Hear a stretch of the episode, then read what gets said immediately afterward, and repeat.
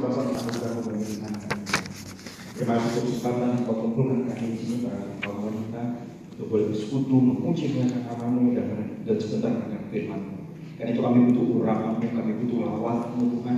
Sehingga sore hari ini ketika kami pulang dari tempat ini itu tidak berlalu begitu saja, tapi membuat kami menjadi pribadi yang hidup seturut dengan kehendak Tuhan, hidup seturut dengan firman Tuhan, dan melalui hidup kami nama Tuhan dipermuliakan. Tolong kami, tolong juga hambamu dan kebetulan yang ada, Tuhan pakai menjadi berkat bagi kami semua yang ada di tempat ini. Terima kasih Tuhan Yesus kami serahkan waktu ini hanya dalam Yesus kami berdoa dan ucap syukur. Amin. Jangan kembali di Salam. Ya sore hari ini uh, saya akan mengajak kita merenungkan dari bacaan harian kita yang kemarin hari Senin dari satu Raja-Raja pasal 11 ayat 1 sampai dengan ayat 13 tentang kejatuhan Salomo. Satu Raja-Raja pasal 11 ayat yang pertama sampai dengan ayat yang 13.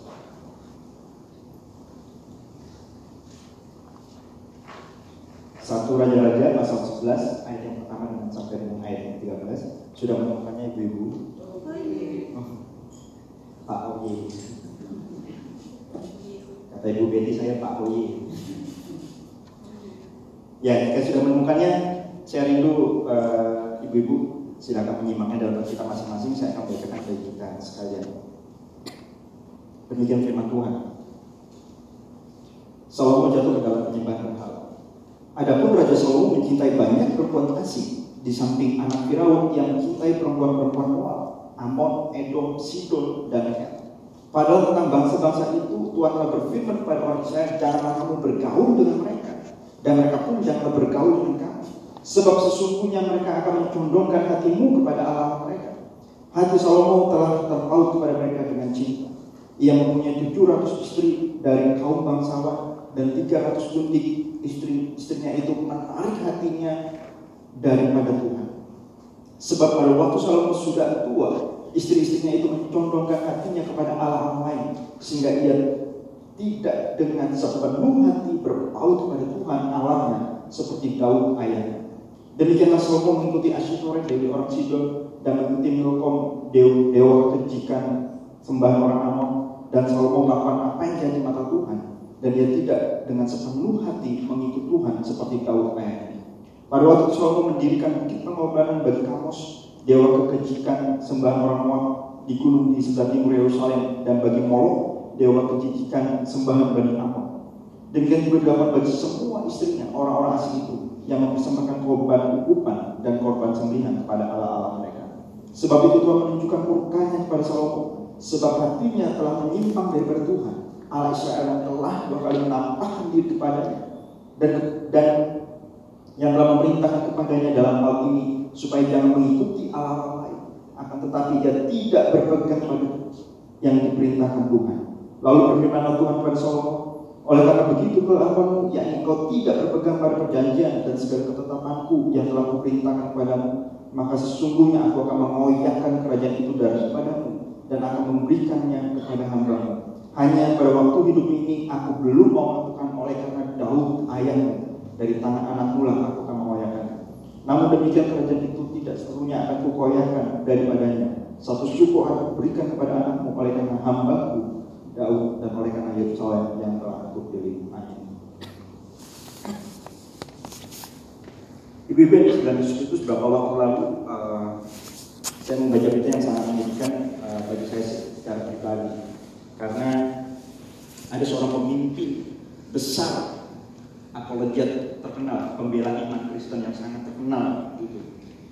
sosok yang begitu sangat dikagumi oleh banyak anak-anak Tuhan karena ceramah-ceramahnya dalam seminar-seminar itu sungguh-sungguh menunjukkan iman Kristen yang luar biasa khotbah-khotbahnya yang sangat menguatkan iman dan buku-bukunya yang memberikan pencerahan untuk boleh menggali firman dengan lebih baik. Bahkan saat kematiannya pun banyak anak Tuhan yang memuji kesaksian hidupnya. Seorang yang sangat setia kepada Tuhan. Seorang yang melayani Tuhan dengan luar biasa. Seorang yang berkomitmen penuh pada kebenaran firman Tuhan. Dan seorang yang berintegritas secara pribadi. Tapi di luar dugaan, setelah kematiannya didapati pria yang luar biasa tersebut ternyata melecehkan banyak wanita dan terjebak dalam dosa seksual pada saat dia melayani Tuhan. Ketika menemukan kisah ini, timbul satu pertanyaan dalam diri saya. Bisakah kita mengikut Tuhan, bahkan kita melayani Tuhan, tanpa memberikan hati kita sepenuhnya kepada Tuhan? Hal ini yang saya lihat dalam kehidupan Raja Salomo. Jika kita memperhatikan masa-masa sebelumnya dari satu raja-raja tentang kisah Salomo, maka kita akan menemukan dalam pasal 3 ayat 12 ayat 28 dikatakan Tuhan itu memberikan Salomo yang penuh hikmat, pengertian, sehingga tidak ada seorang pun yang seperti dia dan tidak akan ada lagi orang yang seperti dia dikatakan itu. Bahkan rakyat, Israel mengakui hikmat daripada Allah ada dalam hati Salomo ketika dia mem, apa, memutuskan satu kasus tentang seorang ibu yang merebutkan anak itu. Rakyat Israel mengakui. Bukan hanya itu saja, kita melihat di dalam pasal 8 Tuhan sendiri yang memilih dan menunjuk Salomo untuk membangun bait sucinya. Suatu kepercayaan luar biasa. Bahkan Daud, orang yang disebut berkenan di Allah itu tidak diizinkan oleh Tuhan membangun bait suci. Salomo mendapatkan kepercayaan tersebut.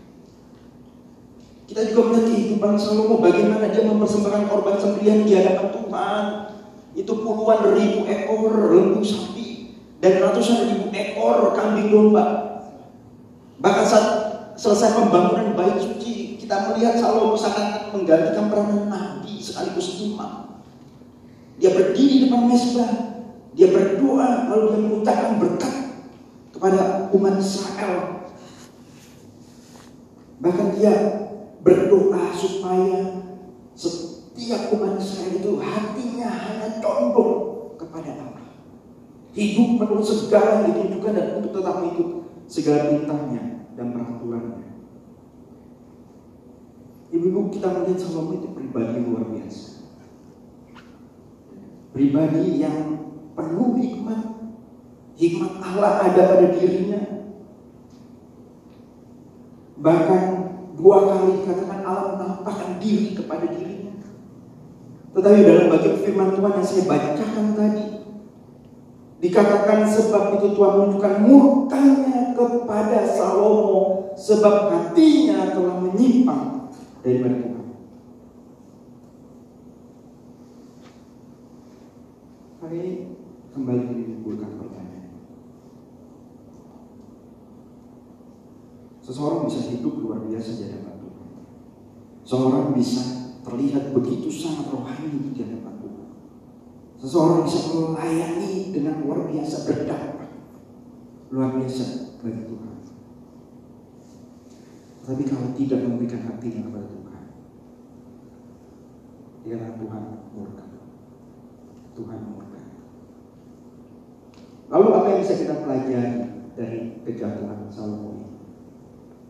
Yang pertama, tentu saja berikan hati kita sepenuhnya kepada Tuhan. Berikan hati kita sepenuhnya kepada Tuhan. Ibu-ibu yang sudah Tuhan Yesus, kita kita kembali memperhatikan uh, bagian firman Tuhan ini dan kalau ibu-ibu perhatikan uh, syarat Raja Israel gitu ya, yang terdapat dalam ulangan pasal 17 ayat 14 sampai dengan ayat 17 saya, saya bacakan demikian firman Tuhan. Apabila kau telah masuk ke negeri yang diberikan kepadamu oleh Tuhan Allahmu dan telah mendudukinya dan diam di sana, kemudian kau berkata, aku mau mengangkat raja atasku seperti segala bangsa yang di sekelilingku. Maka hanya raja lah hanyalah raja yang Tuhan Allahmu yang harus kau angkat atasmu. Dari tengah-tengah saudara-saudaramu harus kau mengangkat seorang raja atasmu. Seorang asing yang bukan saudaramu tidaklah boleh kau angkat atasmu. Hanya janganlah ia memelihara banyak kuda dan janganlah ia mengembalikan bangsa ini ke Mesir untuk mendapat banyak kuda. Sebab Tuhan telah berfirman kepadamu, jangan sekali-kali kamu kembali kalau jalan lagi. Juga janganlah ia mempunyai banyak istri supaya hatinya jangan menyimpang. Emas dan perak pun janganlah ia kumpulkan terlalu banyak. Ini syarat menjadi raja Israel yang ditetapkan jauh waktu Tuhan berfirman kepada Musa. Dan kalau kita melihat kita raja-raja ini meski Allah sudah memperingatkan Salomo itu sampai tiga kali kalau sampai pasal 11 saja itu. Di pasal sebelumnya pasal 3 ayat 14, pasal 9 ayat 3 sampai 9 itu dikatakan Tuhan sudah memperingatkan Salomo untuk hidup sama seperti Daud ayahnya untuk hidup sesuai dengan firman Tuhan sesuai dengan apa yang Tuhan tetapkan. Namun kita melihat Salomo melanggar semua itu Pasal 3 sudah ada itu, dia memiliki kuda yang banyak. Dia memiliki kereta yang banyak. Dalam pasal 10 ayat 14 ayat 25 ayat, ayat 27. Salomo mengumpulkan emas perak yang sangat banyak. Padahal itu dilarang. Ayat 26 pasal 10 ayat 26 ayat 28 sampai 29. Dikatakan Salomo mengumpulkan banyak kuda dan kereta. Dan dalam pasal 11 ini yang saya bacakan tadi, kita melihat ia mempunyai banyak istri dan murid. Langgar semua. Padahal jelas-jelas ada peraturan, ada firman Tuhan yang ditetapkan tentang seorang raja Israel. Kembali lagi menimbulkan suatu pertanyaan bagaimana seorang yang memiliki hikmat Allah Bagaimana seorang yang dalam hatinya itu ada hikmat Allah Orang yang dijumpai Tuhan Bahkan Tuhan peringati sendiri untuk tidak melanggar firman-Nya, untuk tidak melanggar apa yang ditetapkan Tuhan. Itu justru menyimpang dari apa yang Tuhan kehendaki. Dan saya lihat alasannya sekali lagi dalam bagian firman Tuhan kita baca tadi. Tetap dapat dalam ayat 2 akhir sampai ayat 4. Jadi dikatakan, hati Salomo telah terpaut kepada mereka dengan cinta Istri-istrinya itu mencondongkan hatinya kepada Allah lain sehingga dia tidak dengan sepenuh hati berpaut kepada Tuhan Allahnya seperti Daud. Ibu sekalian saya mau katakan, Salomo secara kasar mata gitu. bisa memiliki hikmat yang daripada Allah itu luar biasa, punya pengertian yang daripada Allah itu luar biasa. Ia dipakai Tuhan juga dengan luar biasa membangun baju dan dia begitu terlihat takut akan Tuhan dengan korban-korban persembahan yang diberikan ribuan itu. Tetapi Salomo melupakan satu hal penting. Ia melupakan siapa Tuhan itu. Satu sama dengan ayat 7 jelas mengatakan bukan yang dilihat manusia, yang dilihat Allah. Manusia cuma lihat apa yang ada di luar, tapi Tuhan melihat hati. Tuhan itu menginginkan hatinya Salomo lebih dari apa pun. Karena melakukan firman Tuhan tanpa hati adalah sebuah kemunafikan. Melakukan perintah Tuhan tanpa hati adalah sebuah kebohongan dan kesia-siaan. Seperti yang dikatakan di dalam Yesaya 29 ayat 13. Bangsa ini datang mendekat dengan mulutnya dan memuliakan aku dengan bibir. Padahal hatinya menjauh daripadaku dan ibadahnya kepadaku hanya perintah manusia yang dihafalkan tanpa hati. Walaupun kelihatannya melakukan apa yang diperintahkan Tuhan, walaupun punya hikmat yang daripada Tuhan, kalau hatinya nggak diberikan sepenuhnya kepada Tuhan, itu sia-sia. Ibu-ibu melalui semuanya saya mau mengatakan, hati kita lah yang Tuhan inginkan lebih daripada apa pun. Daud menyadari akan hal ini sehingga dalam Mazmur 139 ayat 23 sampai 24 yang sangat terkenal itu berkata selidiki aku Tuhan selidiki aku. Kenallah hatiku. Kalau saya mau lurusin Tuhan lurusin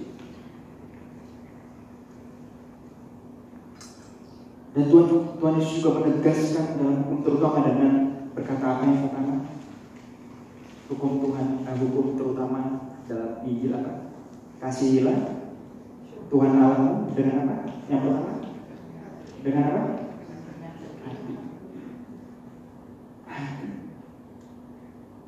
Hati yang Tuhan mau.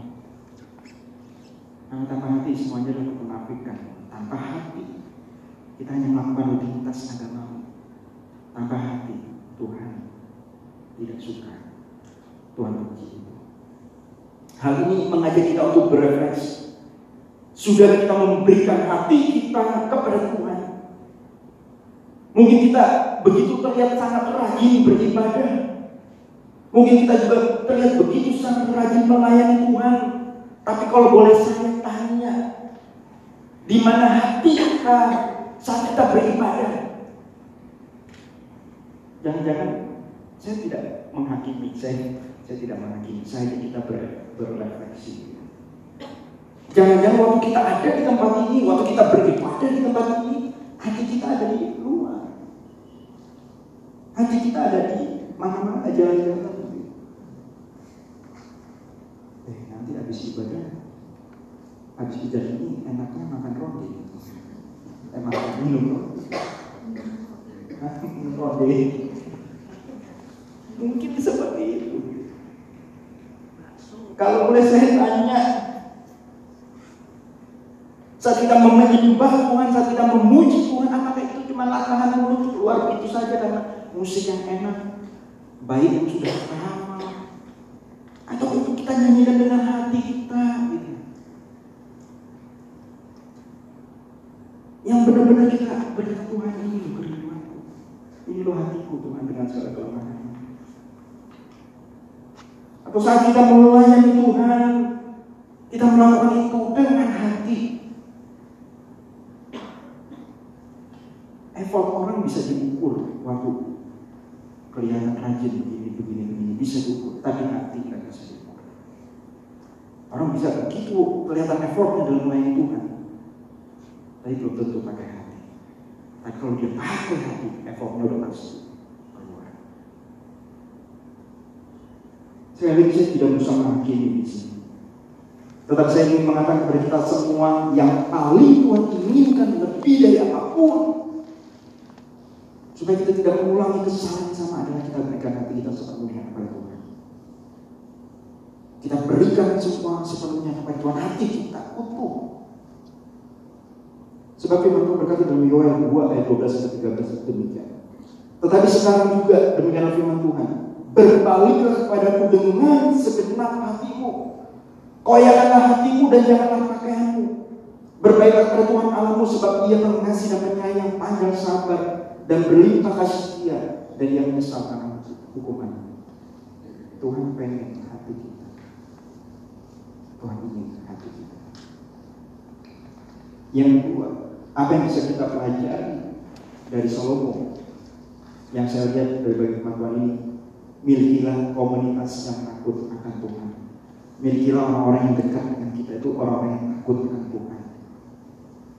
Jadi ibu yang dikasih dari Yesus Kristus, seorang presiden Amerika Serikat bernama George Washington pernah berkata demikian.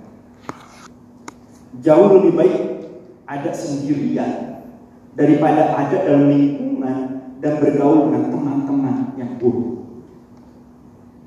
Perkataan George Washington ini ingin menunjukkan lingkungan dan teman-teman di sekitar kita itu berpengaruh penting dalam hidup kita. Hal ini yang saya lihat juga dalam kehidupan Salomo. Jika dalam pasal-pasal awal kita melihat menemukan peranan Nabi Nathan dan Imam Zadok dalam pengurangan Salomo menjadi raja Israel. Sebab sekali lagi raja Israel itu bukanlah seperti raja-raja bangsa lain. Raja Israel itu harus dipilih dan diangkat oleh Allah sendiri. Sebab itu peranan Nabi Nathan Peranan iman jatuh itu menjadi sangat penting bagi hidupnya Salomo seharusnya.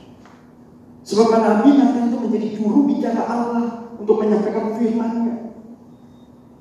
Sedangkan Zadok menjadi wakil umat, wakil raja datang kepada Tuhan. Contohnya seperti Daud. Ketika dia melakukan dosa yang sangat besar, Nabi Nathan menegur Nabi Nathan menegur Daud sehingga akhirnya Daud berbalik dari dosanya dan kesalahannya dan dia kembali kepada Allah dengan segenap. Tapi kalau kita lihat kehidupan Raja Salomo gitu ya, yang tercatat dalam satu raja-raja itu, Kita melihat peranan Nabi Nathan dan Imam Zadok sepertinya hilang. Tidak ada di situ. Terkesan seperti skip gitu ya, nggak tercatat di situ. Justru kita melihat istri-istri Salomo yang notabene berasal dari bangsa-bangsa yang tidak mengenal Allah. Dari bangsa-bangsa yang menyembah berhala-berhala yang justru ada dan berperan dalam kehidupan Salomo, ada dalam lingkungan Salomo. Sehingga yang tadi saya bacakan, di masa tuanya Salomo, istri-istrinya itu mencondongkan hatinya kepada Allah lain. Bahkan dikatakan menyembah Asitoret, dari orang Sidon mengikuti Milkom,